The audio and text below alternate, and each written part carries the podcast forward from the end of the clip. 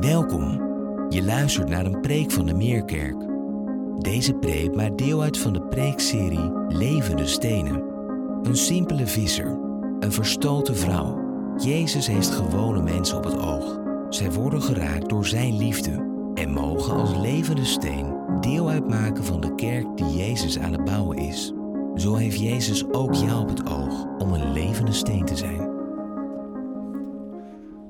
Goedemorgen. Ik eh, sta hier achterin in de zaal. Het leek mij wel toepasselijk op een zondag als we nadenken over Zacchaeus om op de achterste rij te zitten deze dienst. Want ik denk zomaar dat als Zacchaeus vanochtend, vandaag in de Meerkerk zou zijn, dat hij dan niet vooraan had gezeten, maar achteraan. Op de achterste rij. Ik moet zeggen dat het een hele andere beleving is vanaf achter. Normaal zit ik altijd voorin. Um, we zijn natuurlijk één kerk met elkaar. Maar toch zie je weer andere mensen. Ik weet niet of je dat kent, dat als je op een andere plek gaat zitten in de kerk, dat je denkt van, joh, het lijkt wel een andere kerk. Deze mensen ken ik helemaal niet. En ik mocht net de hand schudden met iemand die er al acht jaar komt en we hebben elkaar nog nooit ontmoet. Nou, als het aan mij ligt, zou ik jullie allemaal willen ontmoeten.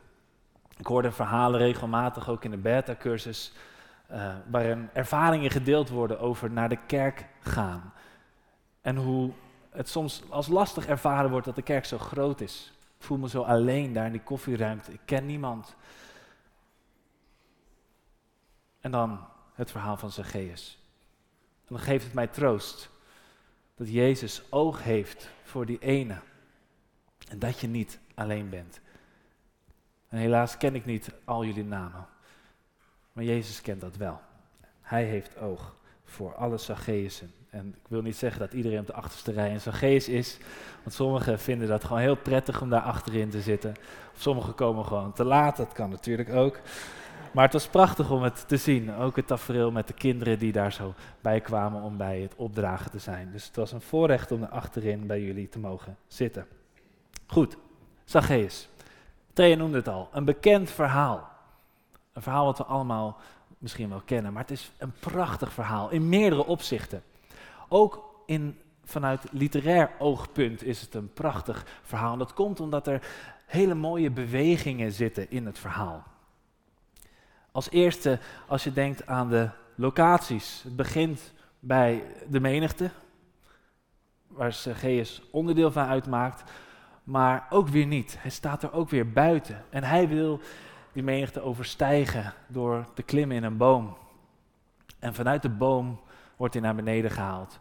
En uiteindelijk gaat hij samen met Jezus naar zijn huis. Verschillende locaties, maar er zitten ook verschillende richtingen in. Het begint, zoals ik al zei, buiten de gemeente, uh, buiten de menigte. En hij wil de menigte overstijgen. Hij klimt omhoog. Een beweging omhoog. En uiteindelijk wordt hij de boom uitgeroepen, een beweging naar beneden. En daar blijft het niet bij. Hij wordt uiteindelijk uitgenodigd in zijn eigen huis, notabene, om naar binnen te gaan samen met Jezus. Naar binnen toe, in zijn huis. En die uiterlijke bewegingen, die lopen parallel met de innerlijke belevingen van Zacchaeus. Waar het bij Zacchaeus begint met belangstelling. Dat hij gewoon nieuwsgierig is en wil weten wie is die man, die beroemdheid, die Jezus die hier langskomt in Jericho. Maar waar het begint met belangstelling van Zacchaeus voor Jezus, draait het verhaal op een gegeven moment om. En gaat het om de belangstelling die Jezus heeft voor Zacchaeus. En dat leidt tot grote blijdschap. En daar blijft het niet bij. Hij is niet alleen blij dat hij gezien wordt, maar uiteindelijk gaat hij naar huis samen met Jezus en leidt het tot bekering.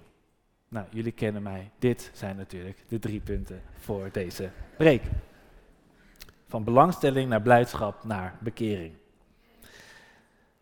Het begint met zijn nieuwsgierigheid. Hij klimt de boom in.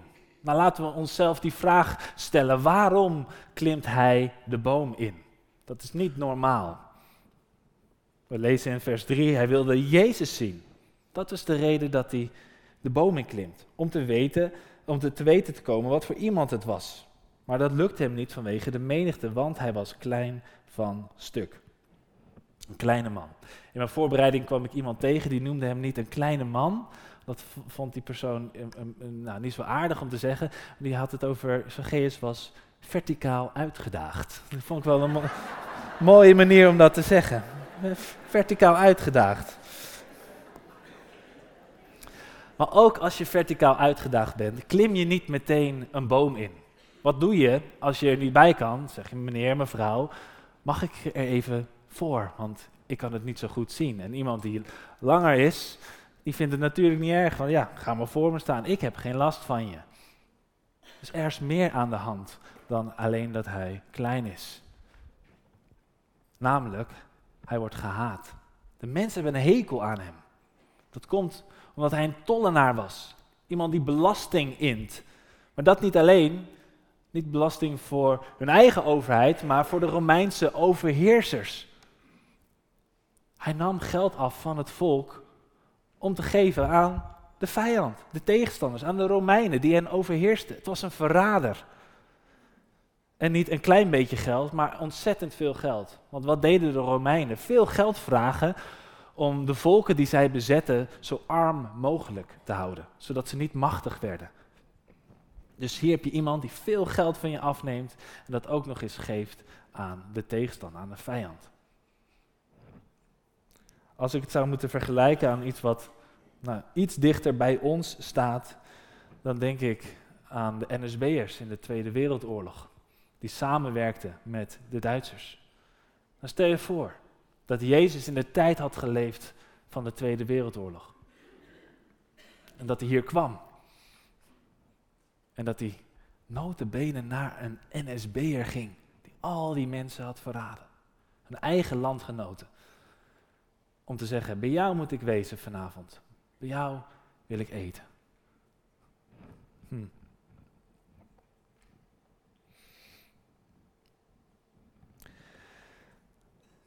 Je denkt al snel te weten wie erbij hoort en wie niet. Je denkt al snel te weten, ja, diegene, die, daar heeft Jezus misschien wel oog voor, maar dat, nee, vreselijk. Zacchaeus was een hoofdtollenaar. En hij was daarbij dus ook rijk, lazen we in vers 2. En in die zin paste hij niet in één vakje. Want als je Lucas tot dit punt leest, dan zou je iedere keer als je een tollenaar tegenkomt, zou je denken, oh, Jezus is een vriend van tollenaars. Dat wordt letterlijk zo gezegd. Hij heeft oog voor de tollenaars. De tollenaars, die mogen erbij horen. Die mogen naar het koninkrijk van God.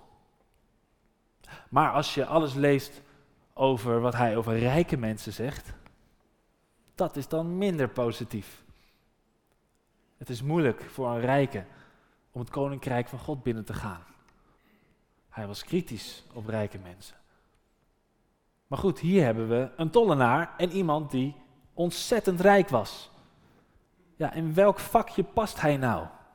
Hoort hij er nou wel bij of hoort hij er nou niet bij bij Jezus? En dat laat iets zien van de manier waarop wij denken. In vakjes. Bij welke groep hoor jij? Ben je voor of ben je tegen? Ben je onderdeel van de slachtoffers of ben je onderdeel van de daders? Nou, hier hebben we Zacchaeus. Is hij een dader? Absoluut. Een verrader. Maar is hij een slachtoffer? Ja, dat ook. Want hij wordt uitgespuugd. Iedereen laat hem links liggen. Wat doet Jezus met zo iemand? Jezus denkt niet in termen van in welke groep hoor jij. Jezus denkt in termen van het individu. Hij ziet die ene staan. Hij vraagt niet bij wie hoor je? Welk beroep heb je? Ben je een man? Ben je een vrouw? Wat is je etnische achtergrond? Wat is je politieke voorkeur? Wij denken dan te weten wie we tegenover ons hebben. Maar Jezus niet. Jezus kent zijn naam. Laten we daarmee beginnen.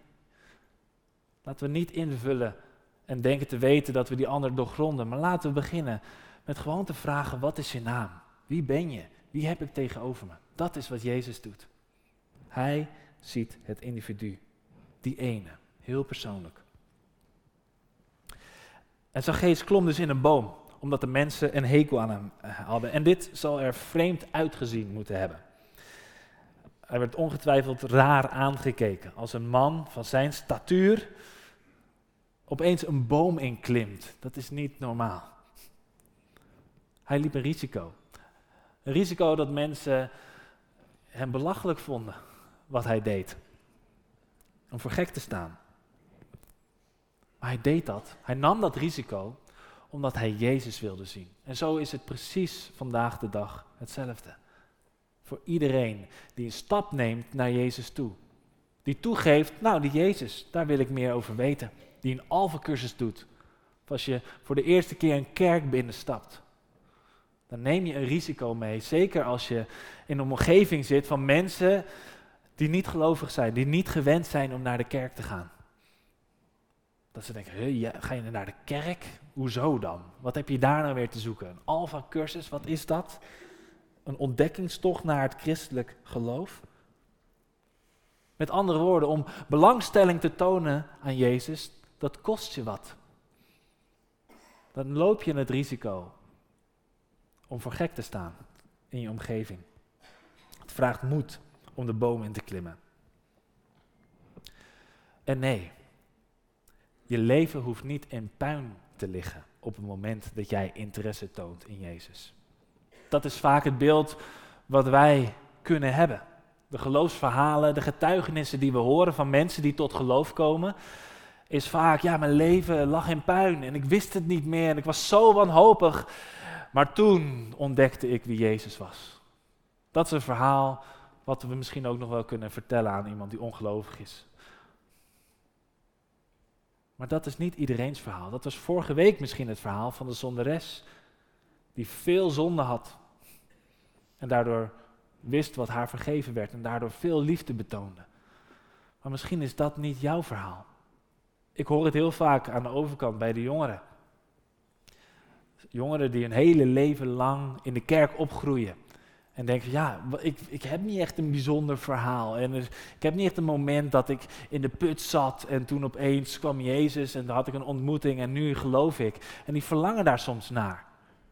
En dan hebben we daar een gesprek over. En dan komen we eigenlijk tot de conclusie dat het misschien niet eens altijd wenselijk is om in de put te zitten. Om dan Jezus te ontmoeten. En dat je bevoorrecht bent als dat je bespaard blijft. Want waarom? Wat gebeurt er op het moment dat je in de put zit? Als je wanhopig bent, ja, dan grijp je ieder, ieder redmiddel aan wat je aangeboden wordt. Elke oplossing, daar klamp je je aan vast. Want op dat moment is het een kwestie van overleven. En dan gaat het niet zozeer om Jezus als dat hetgene is die jou uit de put trekt. Maar dan gaat het ten diepste om jezelf. Jezus maakte dit heel vaak mee. Dat mensen naar hem toe kwamen. Oh, mijn kind ligt op sterven. Of mijn kind is ziek. Of help, kom alsjeblieft mee, red mij. En dan zegt hij, ja, jullie verlangen alleen maar om wonderen te zien. Om tekenen te zien. Het gaat jullie om het kunstje wat ik uit kan voeren voor jullie. De dienst die ik jullie kan verlenen. Maar het gaat jullie ten diepste niet om mij. Je hoeft niet in de put te zitten. Het enige wat nodig is, is belangstelling, nieuwsgierigheid. Dat je open staat voor wie Jezus is. Kom maar, Heer. Ik ben benieuwd. Als een Zacchaeus. Zacchaeus was ook niet wanhopig. Zacchaeus was nieuwsgierig. Hij stond open voor een ontmoeting met Jezus. Nou, zo komen we op het tweede punt hoe het verhaal toewerkt naar blijdschap. Want tot, tot dit moment lijkt het wel alsof Zacchaeus degene is die op zoek is naar Jezus. Daar lijkt het op. Een verhaal van iemand die op zoek is naar Jezus. Die wil wel zien wie is die Jezus. Maar niets is minder waar. Het is precies het tegenovergestelde. Jezus is op zoek naar Zacchaeus. Wat ik prachtig vind, eh, ook wederom hoe Lucas dit literair uitwerkt. Ik ga jullie een moeilijk woord leren, namelijk het woord chiasme. Nou, wat is een chiasme? Chiasme is een literaire structuur dat je uh, een soort parallel hebt van A, B, C, D en dan weer D, C, B, A. En dat lezen we in vers 4 en vers 5. En in vers 4 en vers 5 is als het ware het omslagpunt van het verhaal. Waar eerst de cameralens helemaal gefocust is op Zacchaeus, daar, daar verandert het van perspectief. En dan gaan we het bekijken vanaf het perspectief van Jezus. En het is prachtig om die beweging daarin te zien. Mag ik jullie daar heel kort in meenemen? Kijk, dit is vers 4. Daarom liep Zacchaeus snel vooruit. Hij klom omhoog in een vijgenboom om Jezus te kunnen zien wanneer hij voorbij kwam. En dan komt vers 5, waar alles wordt omgedraaid. Toen Jezus daar langs kwam, dat correspondeert met wanneer hij voorbij kwam, keek hij naar boven. Jezus keek, niet Zacchaeus keek, Jezus keek en zei Zacchaeus. Zacchaeus dacht Jezus te kunnen zien, maar het was Jezus die Zacchaeus zag. En hij zegt, kom vlug naar beneden. Waar hij omhoog geklommen was in een vijgenboom, wordt hij nu uitgenodigd om naar beneden te komen. Want vandaag moet ik in uw huis verblijven. Accent ligt op het woord moet. En er zit dezelfde urgentie in als die Zacchaeus had, die vooruit liep en die Jezus moest zien. Is het hier Jezus die Zacchaeus moest zien? Mooi hè? Ik vind dat mooi. Een beweging omhoog in de boom en vervolgens weer naar beneden. En zo zijn de rollen omgedraaid. Want God neemt initiatief. God neemt initiatief om Zacchaeus te zoeken. God neemt initiatief om jou en mij te zoeken. Er wordt wel eens gesproken over kerken die seeker sensitive zijn. En dat wil zeggen, die gevoelig zijn voor mensen die voor het eerst in de kerk komen, die op zoek zijn naar Jezus, die op zoek zijn naar God, die op zoek zijn naar geloof. En daar willen we gevoelig voor zijn. Daar willen we rekening mee houden. Seeker sensitive. Maar op het moment dat we die term gebruiken, moeten we eigenlijk een stap achteruit doen. Dan zeg je, oh, wie is eigenlijk op zoek naar wie? Wie is op zoek naar wie? Geloven wij dat iedereen die hier binnenkomt in onze kerk, die een alfacursus doet, dat hij degene is die op zoek is naar God? Nee, de mensenzoon is gekomen om te zoeken en te redden wat verloren is. Hij is de zoeker. Hij is de seeker. Als we zeggen seeker sensitive te willen zijn, gevoelig voor de zoeker, dan moeten we gevoelig zijn voor de zoeker met de hoofdletter Z. Gevoelig zijn, afgestemd zijn op het plan wat God heeft met mensen. De mensen die God op het oog heeft. Daar moeten we op afgestemd zijn.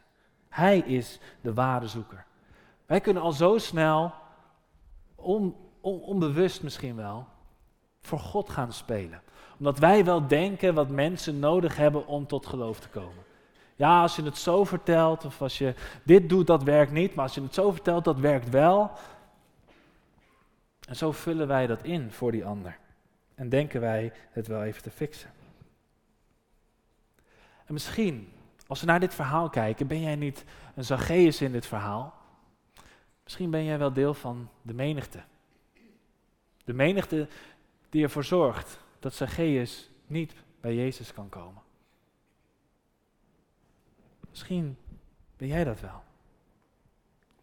Omdat jij van tevoren al invult dat jouw collega geen kerkmateriaal is. Dus daarom zwijgen we maar bij het koffiezetapparaat wat we afgelopen weekend, in bijzonder zondagochtend, gedaan hebben. Dat gaan ze toch niet begrijpen maken we onszelf dan wijs? Wat zullen ze dan wel niet van mij denken? Nee. Op dat moment zijn we meer bezig met ons eigen ongemak dan met de potentiële blijdschap van die collega, die God misschien wel op het oog heeft, terwijl jij diegene in je hoofd misschien wel hebt afgeschreven. Vandaag de dag hebben we niet NSB'ers. Maar wat zijn nu de mensen in jouw leven waarvan jij nu denkt, die gaat echt nooit in God geloven. Dat, dat, die, dat zie ik gewoon niet gebeuren. Dat, dat kan niet. Het gaat hem gewoon niet worden. Die persoon, dat is misschien wel jouw Zacchaeus. Hij? Ja, hij. God heeft hem, haar ook op het oog. Het is niet aan ons om te bepalen hoe iemand tot geloof komt. Laat dat aan God over. Het enige wat wij mogen doen is getuigen van de hoop en het leven wat in ons hart leeft. Dat is ons te doen. Dat is onze taak. En zo ook bij Zacchaeus. Tegen alle verwachtingen in was hij blij dat Jezus naar hem toe kwam. Hij? Ja, hij. Hij was blij dat hij eruit gepikt werd. En dan lezen we in vers 6, Zacchaeus kwam meteen naar beneden en ontving Jezus vol vreugde bij zich thuis. En niet alleen omdat Jezus hem zag staan, maar omdat Jezus bereid was om met hem mee naar huis te gaan. En Jezus deed iets wat hij bij niemand anders ooit heeft gedaan. Hij nodigt zichzelf uit. Wat heel brutaal is. Nee, je wordt uitgenodigd bij iemand, maar hij zegt: Nee, vandaag moet ik in jouw huis verblijven, Zacchaeus. Hij nodigt zichzelf uit, omdat hij een missie heeft. Hij heeft Zacchaeus op het oog. En hij neemt niet genoegen met minder. En wat belangrijk is om te zien, is dat Jezus zichzelf bij hem uitnodigt, nog voordat Zacchaeus zich bekeert. Nog voordat hij zijn bezittingen heeft opgegeven. En deze volgorde is cruciaal om het verschil te zien tussen genade en religie.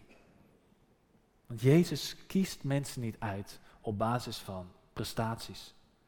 Dat is wat de menigte misschien wel had willen zien. Dat Zacchaeus dan bekeer, zich bekeerde. En zei van, nou oké, dan zal ik alles teruggeven en nou vooruit, dan wil ik wel vanavond met jou eten. Nee, Jezus nodigt zichzelf eerst uit. Bij een zondaar die zichzelf nog niet bekeerd heeft van zijn zonde. En dat was de reden. Dat ze morrend tegen elkaar zeiden: Hij is het huis van een zondig mens binnengegaan om onderdak te vinden voor de nacht. Kan je het geloven? Ja, Zacchaeus gaf een deel van zijn reputatie misschien wel op door in de boom te klimmen. Maar Jezus deed dat nog veel meer. Hij gaf zijn goede reputatie als leraar, als rabbi, als wonderdoener. Hij gaf het allemaal op door bij deze man te gaan eten en te overnachten. Hij gaf zijn reputatie op. Maar uiteindelijk weten we als we doorlezen in het evangelie van Lucas dat hij veel meer opgaf dan zijn reputatie. Hij gaf zijn leven op. Diezelfde menigte die hem nu uitjouwt, dat zijn de mensen die later schreeuwden, kruisig hem. Hij gaf niet zijn reputatie op, hij gaf zijn leven op.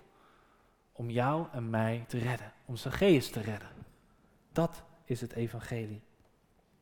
En dan vraag is, brengt dat blijdschap in jouw hart? Raakt dat je nog? Brengt dat je nog op de knieën?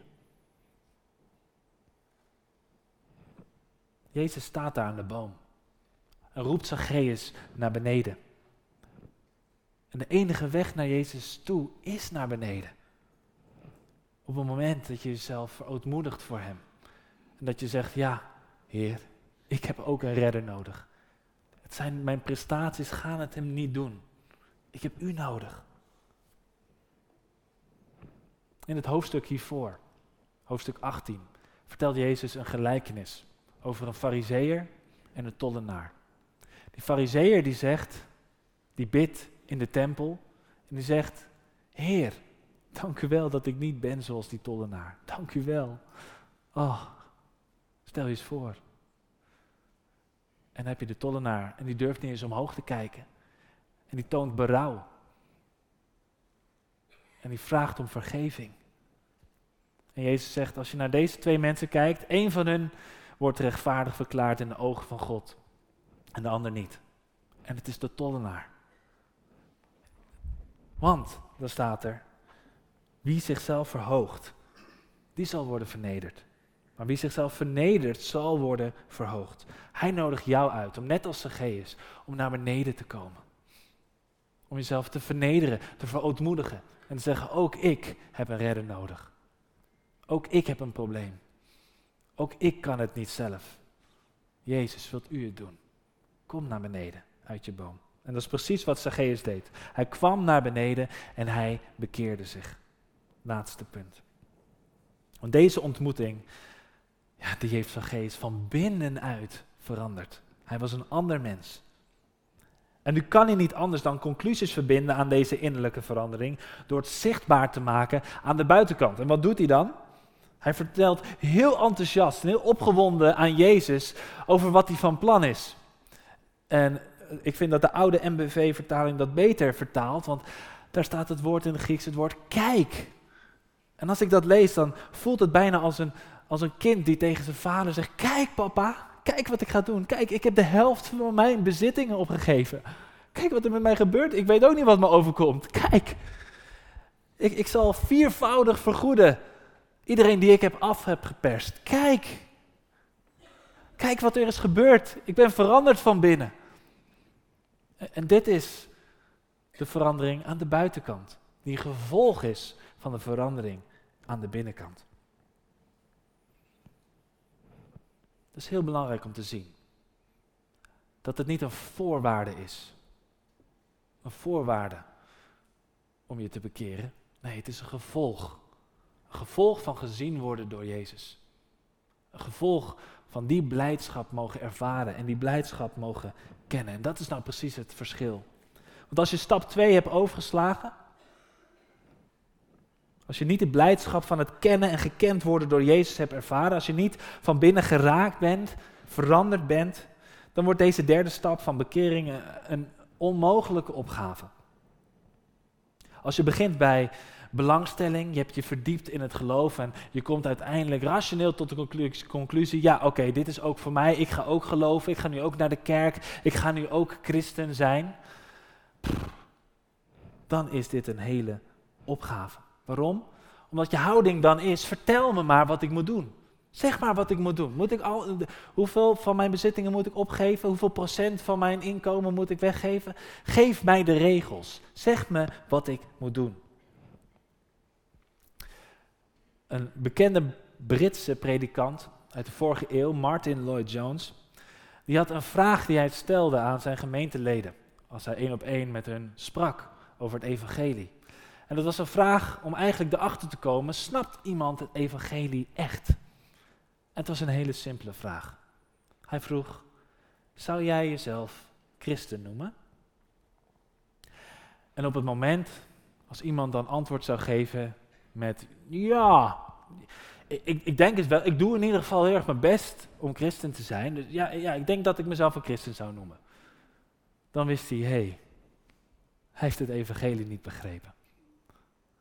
Want het evangelie is namelijk dat hoe hard jij ook je best doet, dat je best nooit genoeg zal zijn. Dat je een redder nodig hebt. Zou jij jezelf een christen noemen, Zacchaeus? Zijn antwoord zou niet zijn, ja, want kijk, ik heb de helft van mijn zittingen opgegeven en ik volg nu de regels. Ik, ben, ik heb me aangesloten bij deze christelijke beweging en ja, vertel me maar wat ik moet doen. En dan doe ik het. En dan ben ik een christen. Nee, hij kwam tot de conclusie, ik ben failliet. Ik heb een redder nodig. Een redder die mij uit de boom haalt en bij mij thuis komt. Bij mij thuis komt.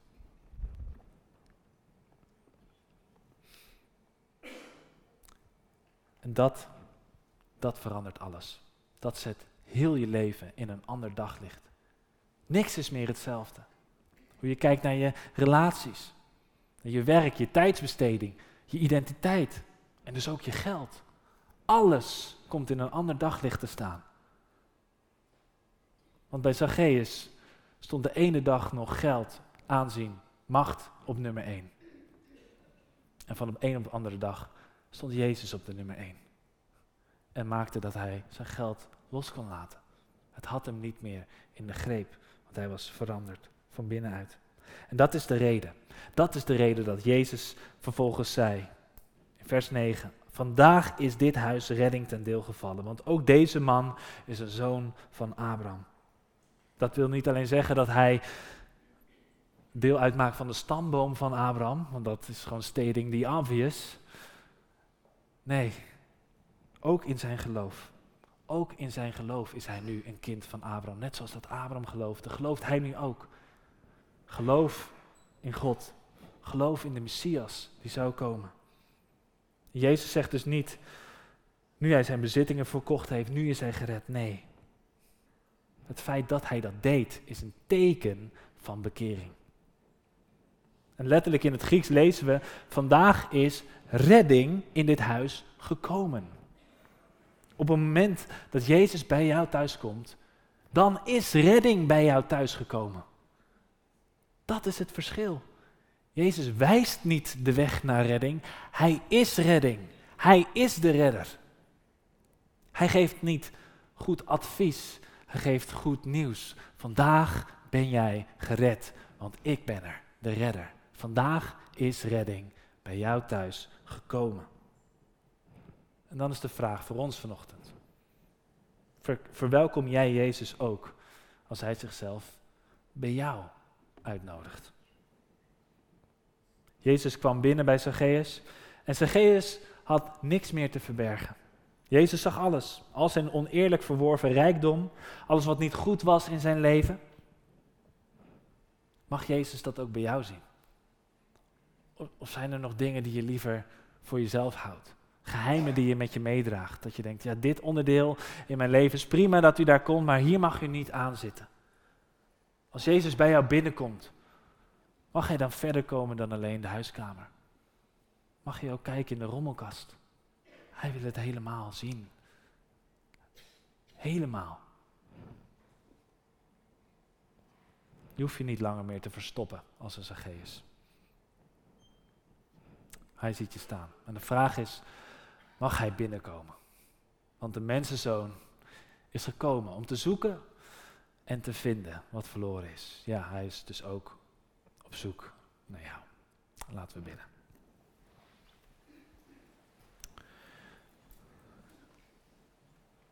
Heer Jezus,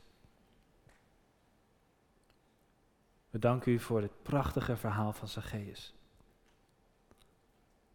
Voor het wonder dat u oog heeft voor mensen, voor individuen. Individuen die misschien wel belangstelling hebben voor u, maar u heeft belangstelling voor ons als eerst. Wij hebben lief omdat u ons eerst heeft lief gehad. Wat een wonder dat u ons ziet staan. En vergeef ons, Heer, waar wij mensen misschien af kunnen schrijven die u wel op het oog heeft. Help ons, Heer, om met uw ogen naar andere mensen te kijken. Maar ook voor ons eigen leven. Als wij misschien een Zacchaeus zijn die ons verstoppen voor u. Mogen we dan uw roepstem verstaan vanochtend? Kom naar beneden. Kom naar mij. Ik wil met je meegaan naar je huis. Ik wil alles zien. Ik wil bij jou binnenkomen, zodat ook vandaag gezegd kan worden over mij en over jou. Vandaag is ook in dit huis redding ten deel gevallen. Ook de redder is gekomen in mijn huis. Heer, spreek zo tot ons in deze momenten van stil gebed.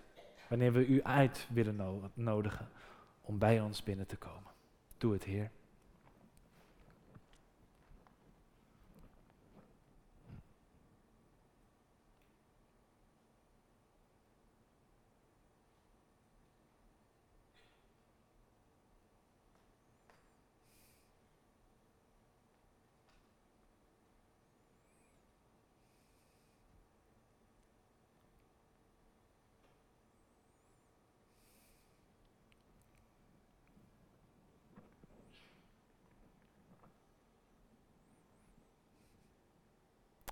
Wel, Jezus.